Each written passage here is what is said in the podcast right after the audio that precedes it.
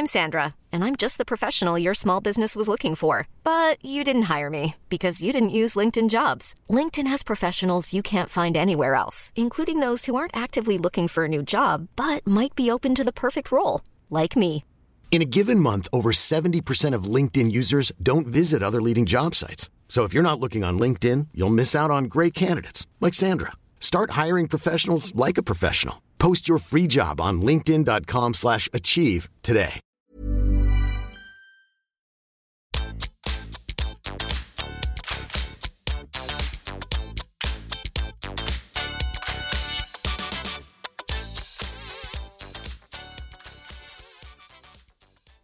Hei, alle sammen, og velkommen tilbake til podkasten Karriereveiledning med Elaine. Dagens tema er eh, litt kontroversielt for noen. Eh, Jeg opplever at det er litt kontroversielt i forhold til eh, dagens samfunn, hvor den rådende tanken i stor grad er at du kan bli hva du vil. Og det kan være sikkert kjempegodt å høre for noen, og utrolig slitsomt for andre å høre. Ehm, For er det sånn at alle kan bare bli hva de vil? Fra et karriereveilederperspektiv så tenker jeg nei. Og det er her jeg har møtt en del motstand tidligere. Og jeg syns selvfølgelig at eh, motstanden eller kritikken eller det er selvfølgelig velkomment. Så man kan ha noen gode samtaler rundt det. Men jeg skal begrunne hvorfor jeg tenker at det å si til noen at du kan bli hva du vil, det kan skape en del kaos. Og så ønsker jeg selvfølgelig å snakke litt om noe som henger sammen, og det er to ting. Det ene er selvbedrag, som jeg skal begynne å snakke litt om i forhold til karriere. Så her gjelder det å tenke din karrierevei eller din karrierereise. Eh, og det andre jeg skal snakke om, er er det positivt å innse at man har begrensninger. Og det er litt i forhold til det jeg sa innledningsvis, at alle kan bli hva de vil, og man skal finne meningen med livet og utvikle potensialet sitt og sette seg hårete mål og fortsette å utvikle seg til den dagen man eh, svimer av eller stuper. Jeg personlig, og det er jo bare min mening, for jeg er jo et subjektivt menneske, jeg ønsker ikke å gi noe oppskrift her på hvordan dette her skal gjøres den ene eller andre måten. Jeg ønsker bare å dele disse refleksjonene. Fordi jeg har de siste årene jobba med så sjukt mange mennesker som har havna så langt bort fra der de ønsker. Og mye av det, når jeg har intervjuet de, for jeg har gjort en sånn miniforskning på det, har rett og slett handla om det presset som oppleves når man vet at man i utgangspunktet har alle ressursene, og man kan bli hva man vil, og alt er mulig, og alle får det til. Og så er man ikke der man ønsker å være, så opplever man seg som en failure eller mislykka. Og så får man manglende mening, og så føler man seg tom og sliter med mestringstro, selvtillit, selvfølelse, altså hele den pakka der. For hva hvis alle begynte å ta en liten titt på begrensningene sine? Det kunne vært interessant, og det skal jeg komme tilbake til. Men aller først så skal jeg dele noe som jeg jobber en del med og bruker en del tid på, spesielt også i karriereveiledning, og det handler om selvbedrag. For når det gjelder å finne sin karrierevei, eller planlegge karrieren sin, eller jobbe med livslang læring, eller karrierekompetanse, eller forsøke å finne ut av hva du vil, så handler jo det også om en form for selvledelse. Og selvbedrag utgjør kanskje en av de viktigste enkeltfaktorene når det kommer til selvledelse. Og som jeg sa, det å forstå litt hvor du er i landskapet når det kommer til karriere. Og det er ikke noe hemmelighet at de fleste av oss både lyver til oss selv og andre i ny og ne. Hvite løgner, større løgner. Um, og så er det ulike situasjoner da, hvor vi lyver. For husk at kommunikasjon foregår alltid i kontekst og relasjoner. Og så er det et viktig skille her mellom løgn og selvbedrag. Løgn er noe du er bevisst, men selvbedrag det handler mer om noe som foregår på et ubevisst plan. For det å bli kjent med selvbedraget ditt, der er språket og bevisstheten nøkkelen. Og det er jo sånn, mine venner, at vi drives av pain og pleasure. Og det betyr at alle valgene vi tar, ofte så er intensjonen god, og ofte så handler det om å unngå smerte eller pain for å oppleve pleasure eller trygghet eller noe vi i hvert fall syns er godt. Og selvbedrag spiller jo en viktig rolle når vi ikke ønsker å innse, anerkjenne eller innrømme noe overfor oss selv. Og det kan jo nettopp være at den jobben ikke passer, at studiet ikke passer, at kanskje ikke det var så lurt å starte for seg sjøl. Og det er her vi skal se litt på hvorfor det kan være viktig å ta en titt på begrensningene sine etterpå. Selvbedrag er også uten tvil en forsvarsmekanisme, og det handler også om av og til en forsvarsmekanisme som gjør at vi må slippe å ta tak. Um, så er det jo sånn, da, fra veldig, veldig gammelt av så har bedrag og selvbedrag vært en svært effektfull overlevelsesstrategi som vi ikke trenger i like stor grad lenger. Og det er når bedrag blir en vane, det er da det blir vanskelig for oss å utvikle oss eller jobbe med selvledelse og bli bedre kjent med oss selv. Så når det gjelder denne selvbedragsbiten, så kan det jo være litt interessant, om du ønsker det, å reflektere litt over både verdiene dine, hva er det egentlig som er viktig og riktig for deg. Bli kjent med hvordan du egentlig ser på deg selv, og begynne å fortelle sannheten til deg selv så godt det lar seg gjøre. Ta tak i de tingene som kan oppleves litt ubehagelig. Ta den samtalen, og så reflektere litt rundt også hvor eller i hvilken grad du er ærlig med andre. Og så handler det om å finne noe her som gjør at du opplever at det er komfortabelt. Jeg er i hvert fall av den oppfatningen av at om vi ikke forteller folk sannheten, så er det i hvert fall for meg til en stor grad synonymt med at vi ikke respekterer de. Fordi hvis jeg har noe på hjertet og sier det på en ordentlig måte, og intensjonen er god, og dette har jeg sagt tidligere, så må jeg ha respekt nok til at mennesket som mottar det budskapet, er i stand til å håndtere den informasjonen, prosessere den og tåle det. Men så kommer det jo selvfølgelig litt an på Jeg kjenner jo ikke til deg og ditt liv eller din karriere. Så det handler jo ikke om å bare buse inn på kontoret til lederen din og si at lederen din er klin gæren, og nå har du sannheten. Det handler jo om å reflektere litt rundt, hvordan dette her er lurt å formidle. Så kan det være at det også kan løse opp i ulike konflikter, eller i hvert fall få satt ord på noe av det du tenker på, istedenfor å gå rundt og irritere deg. Og hvis vi hopper over da til dette med begrensninger, som egentlig er hovedtema, men gjennom selvledelse også, hvorfor jeg valgte å snakke litt om det først, er at det er jo der vi virkelig kan begynne å jobbe med personlig ærlighet.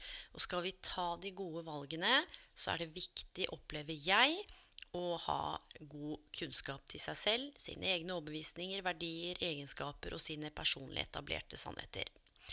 Og så er det jo sånn at finnes det perfekte karrierevalget? Det er et sånt lite tankekors. For hva er det perfekte karrierevalget? For i dagens postmoderne, komplekse samfunn, som jeg også sa når det gjaldt selvbedrag, så er det mye ansvar som faller på individet for å bli hva du vil, og leve det beste livet, og være den beste utgaven av deg sjæl, og nå potensialet ditt. Og så er jo spørsmålet hvordan veit du at potensialet ditt egentlig er nådd? Er det noe grense der? Det veit man jo ikke. Men det jeg opplever i møte med mange av de jeg har jobbet med, er at det er et så enormt gap mellom der de står i dag, og der de ønsker å være. Og de føler at alt hviler på dems skuldre. Og så kjenner man på ubehag i det gapet. Og det kan være positivt når det gjelder målsetting og det å ha noe å jobbe for, men samtidig på den andre siden, hvis du føler at du kaver, du ikke kommer noen vei, du vet ikke hva du skal velge, så kan det for mange oppleves som veldig, veldig ubehagelig. Og jeg vil jo si at det er et samfunnsmessig problem og et strukturelt problem hvor dreiningen i samfunnet har gått i mye større grad mot Altså du er din egen lykkes smed. Tidligere, i hvert fall når mutter'n jobba, så tok jo arbeidsgiverne Det er sikkert mange som gjør dette, men veldig godt vare på de ansatte. Men det blei jo åpna for midlertidig stillinger, som jeg sa. Det er mye mer boundaryless jobs, at man jobber litt herfra og derfra, er frilans, man blir ikke fast ansatt, man får korte vikariater og kontrakter. Og det kan også være bra. Men dagens samfunn handler også om at det kan være viktig for oss å utvikle noen ferdigheter. Og en av de ferdighetene er jo nettopp det å være fleksibel, som er et sånt kjerneprinsipp. Og jeg har valgt å lene meg her på kaosteori, som er en av mine favorittteorier fra karriereveiledning, sammen med Unplanned Happenstance, hvor John Crumbolts har vært i spissen. Og I utgangspunktet så er det jo sånn hvis vi tenker oss om at livet er egentlig ganske komplekst, og det består av endring og sjanser. Altså vi vingler eller vi seiler mellom endring og stabilitet. Endring og stabilitet. Og livet er jo egentlig et usikkert prosjekt, og derfor så kan det være interessant å ha en ny tilnærmingsmåte til kanskje hvordan du ser på hvordan du skal ta ikke det perfekte karrierevalget, men hvordan ta det karrierevalget som er riktig for deg akkurat nå. For det valget du tar nå, det trenger ikke være riktig for deg om tre år. Rett og slett fordi vi mennesker er jo ikke statiske. Vi er jo kontinuerlig i endring. Og dermed så kan det jo være at karrierevalgene helt naturlig nok også vil endre seg. Og så er det jo viktig, og som jeg har sagt tidligere, at alt henger jo sammen med alt. Så dette må jo ses i en større kontekst. Mange, mange, mange jeg jobber med og snakker med, og sikkert flere av dere lytter nå, i hvert fall som jeg har fått tilbakemelding på, opplever masse uforutsigbarhet. Og det gir jo også begrensa kontroll, og det er litt av den nye virkeligheten. Så er det jo sånn at veldig mange av oss har store utfordringer med å håndtere en virkelighet som er usikker. Men det er jo faktisk umulig å unngå det. Det er ingen som veit hva som skjer i morgen, og det er jo fordi at vi ønsker kontroll. Så det ble gjort en undersøkelse hvor 60-100% altså totalen da, mellom 60 og 100% de, alle de som ble spurt, sa at det hadde vært uplanlagte hendelser som hadde en enorm innvirkning på karrierevalgene de tok. For tenk deg det. Hvor mange kombinasjoner du som menneske egentlig har. Hvor mange tanker du har, følelser, hvor mange valg du har tatt, hvor mange valg du kommer til å gjøre, hvor mange som har influert deg, hvor mange som kommer til å influere deg. Det er bare å se på Rubiks kube. det. Den har sikkert én trilliard ulike kombinasjoner. Og den har jo ikke så innmari mange flater. Det er liksom fire sider og et par sånne ruter. Men den gir jo helt utallige kombinasjoner. Så det uplanlagte spiller ofte en stor rolle. Det betyr ikke at vi ikke skal planlegge. Samtidig så er det noe som heter planmanship. Og det handler om at vi må lære oss å forkaste planer, revidere planer, kopiere planer, hente fram gamle planer, legge bort de planene som ikke funker. Rett og slett å være fleksible, sånn at vi kan justere planene våre etter hva som skjer.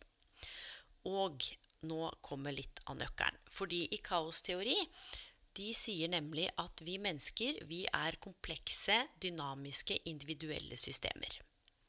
Og her kommer hele nøkkelen. For at noe skal kunne kalles et system, så må det ha begrensninger. For hvis det ikke har begrensninger, så er det ikke noe system. Og heng med meg nå. Se for deg at du har masse begrensninger. Så tenker du 'herregud, det er ikke god idé, kan ikke det, kommer aldri til å få til det'. Ja ja, men vent litt nå. Hva om det er disse begrensningene som faktisk gir deg frihet? Når det er noen restriksjoner på kompetanse eller atferd eller hva du ønsker å gjøre, så kan jo faktisk det være med på å gi deg muligheten til å velge bort. Og Det er derfor denne episoden her er litt kontroversiell. For ofte når jeg jobber med folk, ja, jeg ser på mulighetsrommet, og vi kartlegger og vi sorterer og vi gjør alt det som skal til. Men det er veldig sjeldent at man faktisk utforsker begrensningene sine skikkelig. Jeg hører jo ofte sånn at jeg kan ikke det, og jeg er ikke god på det. og Det trenger ikke nødvendigvis være en helt reell begrensning. Det kan være en liten overbevisning som har satt seg, som man ikke har turt å teste ut. Så det å tørre å ta en titt på begrensningene sine, det er rett og slett noe som kan være med på å gjøre at det kan bli enklere for deg å velge. Du skal være så sinnssykt glad for at du ikke kan bli hva som helst i hele verden. For det er så utrolig slitsomt å streve etter. Det betyr ikke at ikke du kan være den beste entreprenøren, eller den beste bakeren, eller den beste til å sy, eller den beste direktøren. Det er ikke det det handler om. Men vi alle mennesker har noen begrensninger, og når vi begynner å stå i det og bli kjent med det, så blir det rett og slett fundamentalt enklere, opplever jeg og de menneskene jeg har til møte med, å ta en del gode beslutninger. Og det handler jo også om å rett og slett forholde seg til noen konkrete prinsipper. Om du ser på dine egne begrensninger, så vær åpen og nysgjerrig. Hvor kommer de fra? Hva handler det om? Hvorfor ønsker jeg ikke å jobbe med, med barn, f.eks.? Hvorfor ønsker jeg ikke å drive med eh, tall? Der kan du finne masse, masse spennende hint som kan bringe deg videre på den utforskningsprosessen din som du nå skal ta på din karrierevei. Og en nøkkel her er å eksperimentere, med å utforske begrensningene, for rett og slett se er det hold i det? Er det sånn at jeg virkelig ikke liker matte? Er det fordi, eller tall, at jeg aldri kan bli økonom? Men det er den største drømmen min. Og hvis det er drømmen din, så handler det om å inkorporere et utviklende tankesett. Som handler om at du kan lære deg alt det du ønsker å lære deg. Men hele poenget er med å se på begrensninger at det er ikke sikkert det er alt du trenger eller ønsker å lære deg. Og jeg skal gi dere et eksempel. Jeg jobbet med en som var obsesst. Altså rett og slett sånn veldig opptatt av å bli ekstremt god på å holde foredrag. Og dette her var noe som gnagde og gnagde, og hun ble dårlig før hun gikk på scenen, og nervøs, og det tok jo så mye tid og energi og total kaos. Um, og så begynte vi å snakke om hva som gjør at det er viktig å bli god på å holde foredrag. Ja, men det er sånn kult, alle gjør det. Litt sånn banalt forklart, men det var, liksom, det var noe som hun opplevde var viktig. Men så begynte vi å rett og slett utforske litt, da. Så viser det seg at all den energien og alt det det krevde, og hva hun fikk igjen for det, det var rett og slett ikke verdt det. Det var en helt klar begrensning at hun egentlig ikke var spesielt glad i eller interessert i å holde foredrag eller stå på scenen. Så hvorfor gjøre det, da? Det var ikke krevd av henne i jobben. Det var rett og slett bare noe som handla om å pushe seg litt ut av komfortsonen. Som hun egentlig Det kom på en måte ikke fra henne. Det hadde bare kommet fra andre uten at hun hadde tenkt over det. Så hun hadde blitt influert. Og det betyr ikke at hun her var, hun var superoppegående, autonomi, god i business og skikkelig grepa dame. Men sleit. Og det her tok så mye energi. Men det var en helt klar begrensning. Hun hadde ikke behov for det nå. Så drit i det, legg det bort. Bruk energien på andre ting som kan springe deg ut av komfortsonen, som gir deg noe. Altså begrensninger som du kan ha lyst til å utvikle fordi det er viktig for et eller annet. Og det handler jo om å ta baby steps. Veldig mange blir så overvelda av de store valgene og det store bildet og resten av livet. Du skal ikke gifte deg med jobben. Du skal ikke gifte deg med studiet. Det kan være at du sikkert skylder arbeidsgiveren din skylder i hermetegn noe fordi de har vært snille mot deg og gode mot deg. Og, men det er ikke noe vits å være en jobb bare fordi at du syns synd på arbeidsgiveren din eller tenker 'Å, gud, nei, stakkars, de må ut og rekruttere'. Det ordner dem. Samme er det med studio. Har du valgt feil studio og kjenner at her har jeg noen begrensninger De fagene her er ikke for meg. Og når jeg har forsøkt å holde ut, så er det helt innafor å heise det hvite flagget. Det er greit å ta revalg, og du kommer til å måtte gjøre det gjennom store deler av livet også, på ulike områder. Så det som kan være lurt å tenke, som jeg har sagt tidligere, det er ok, hva er det neste riktige og viktige skrittet for meg? Hva er det neste jeg kan gjøre? Og når du har gjort det, hva er det neste og det neste? Og igjen så handler det om forståelsen av det større bildet. Rett og slett fordi vi har en tendens til å bli litt fanga i vår lille verden, og litt her og nå, og litt frem i tid. Husk at hjernen vår den svinger mellom fortid, fremtid og nåtid. Og dette har jeg sagt tidligere. Hvor er det du tar valgene dine fra? Er det fra et eller annet fremtidsbilde, så kan det være positivt, men det kan også virke motsatt. Tar du valgene dine fra fortid, så kan det være positivt, men det kan også være motsatt. Så det er noe med å være bevisst hvor du står når du tar disse valgene. Og én ting som kan være lurt, er rett og slett være såpass tøff at du tar kontakt med kollegaer eller de som kjenner deg, og så spør du Du, jeg er litt nysgjerrig. Hvilke begrensninger opplever du at jeg har? Det krever litt mot, for det er ikke så deilig å høre, men det kan være at det er noe der du kan utforske. Og når det er sagt, så er det noen dimensjoner som kaosteori påpeker kan være lurt, eller noen ferdigheter som kan være interessant å se på. Det første er jo det å være fleksibel, spesielt i det postmoderne samfunnet. Så tenker du sånn Ja, men Elaine, nå har du akkurat sittet og holdt en sånn lang tirade om å, du skal se på begrensningene. Jeg er ikke fleksibel i det hele tatt, jeg. Ja. Og jeg kommer aldri til å bli fleksibel. Jeg har ikke lyst til å bli fleksibel. Nei, men så bra. Da veit jo du at du antageligvis trenger en jobb som kan ha trygge rammer, for kanskje driveren din er trygghet og forutsigbarhet. Eller kanskje det handler om ikke nødvendigvis en begrensning, men at du er redd for Hva skjer hvis jeg blir fleksibel? Kanskje det handler om kontroll. Sant? Så ting vi tror vi ikke er gode på, eller ting vi tror kan begrense oss, kan handle om helt andre ting. Men fleksibilitet er i hvert fall én. Optimisme er nummer to. Og dette er også forska på fra positiv psykologi, at du kan utvikle et optimistisk tankesett. Og så sier du igjen, Elaine, jeg er født negativ. Jeg syns alt er rett og slett negativt. Og jeg gruer meg til ting, og jeg syns det er vanskelig å se positivt på ting. Eh, og det er min aller, aller største begrensning. Da hadde jeg tenkt herregud, så spennende. Du er negativ. Hvor kan du bruke det? Hvordan kommer det til uttrykk? Er det noen jobber som trenger noen som ser etter alt som er gærent? Definitivt! Skjønner du? Det er sånn her man kan bruke det. Det fins jo masse jobber hvor ikke du trenger å være optimistisk, men hvor du må ha den evnen til å være kritisk og kanskje ikke se det beste, for det er det jobben går ut på. Tredje dimensjon handler om å ta sjanser. Og den henger litt sammen med det å våge å være fleksibel. Sier du, men Elaine, å ta sjanser, det er helt uaktuelt. Ja, igjen, da må man ta en titt på hva det handler om. Og så kanskje du rett og slett skal jobbe med noe, eller ha en jobb som handler om at det er veldig lite risk å ta. Og så må du tenke handler det om på egne vegne eller mine vegne. Så her må man rett og slett sette seg ned og rydde unna selvbedraget og begynne å bli ærlig med seg sjøl. Fjerde dimensjonen, det handler om nysgjerrighet og gjennom det å være Altså ha et åpent sinn. Av og til så føler jeg sånn at nysgjerrigheten, den er bare drept.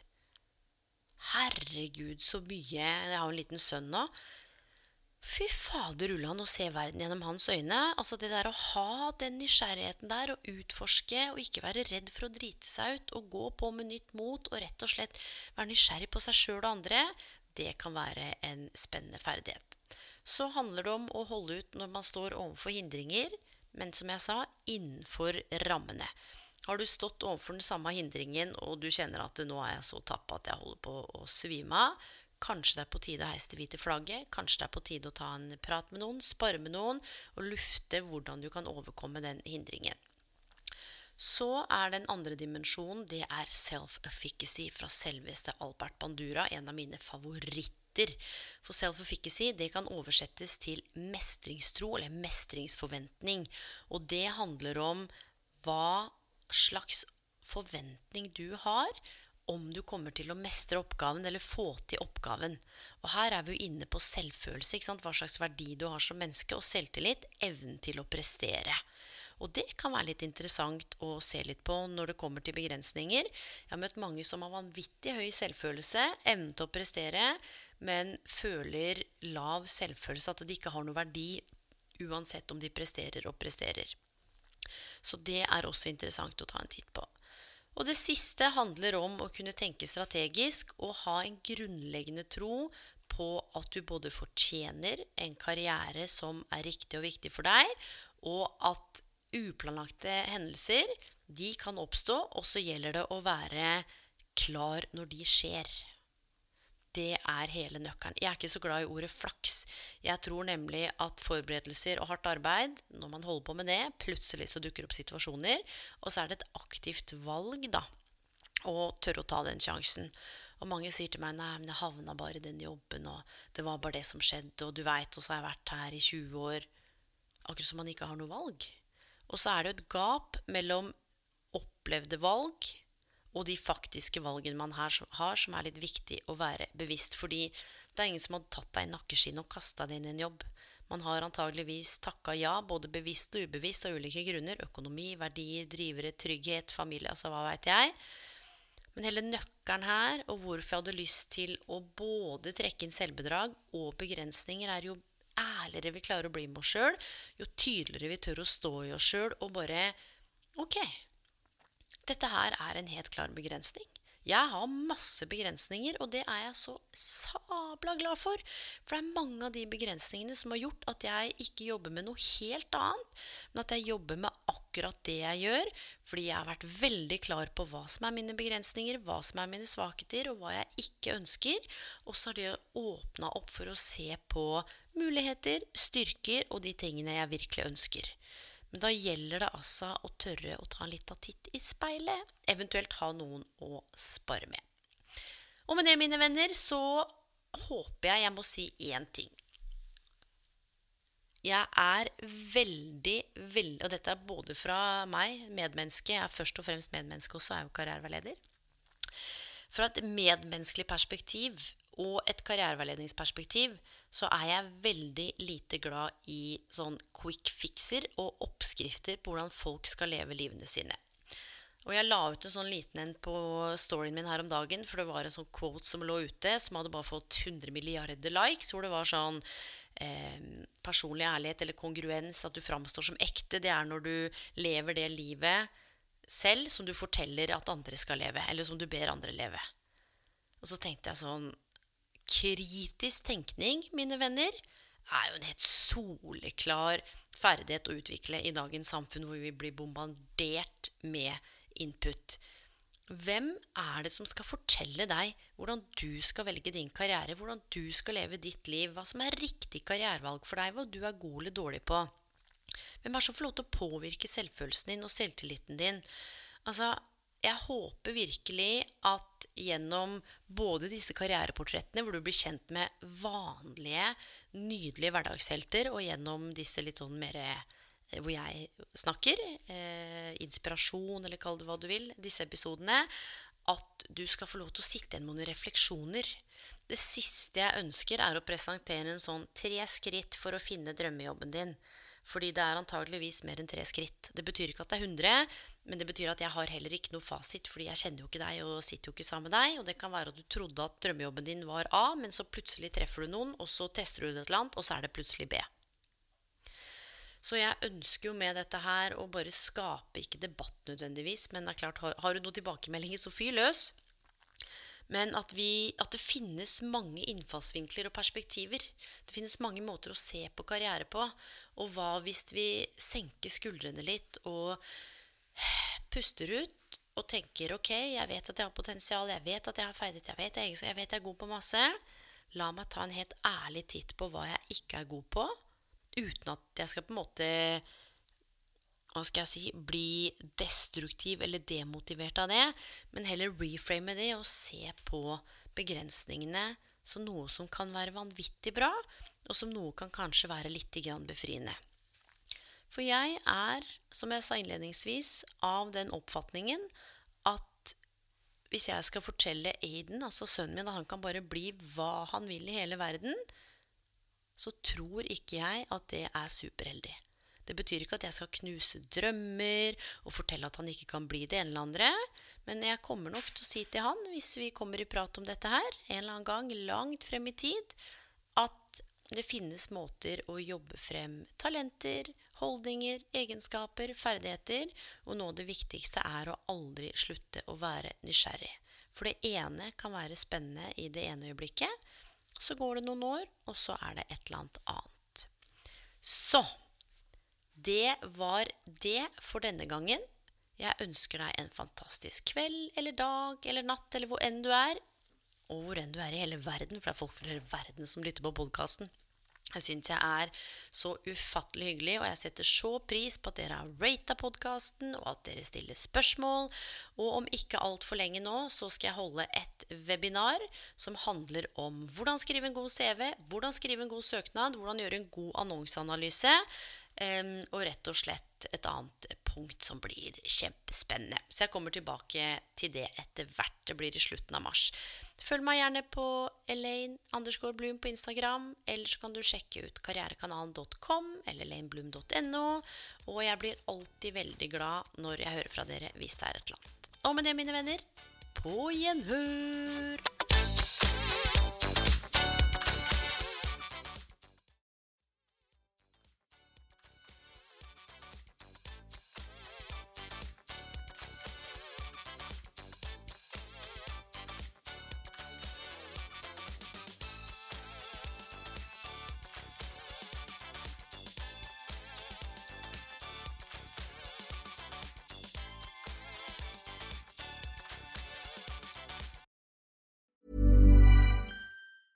Even when we're on a budget, we still deserve nice things.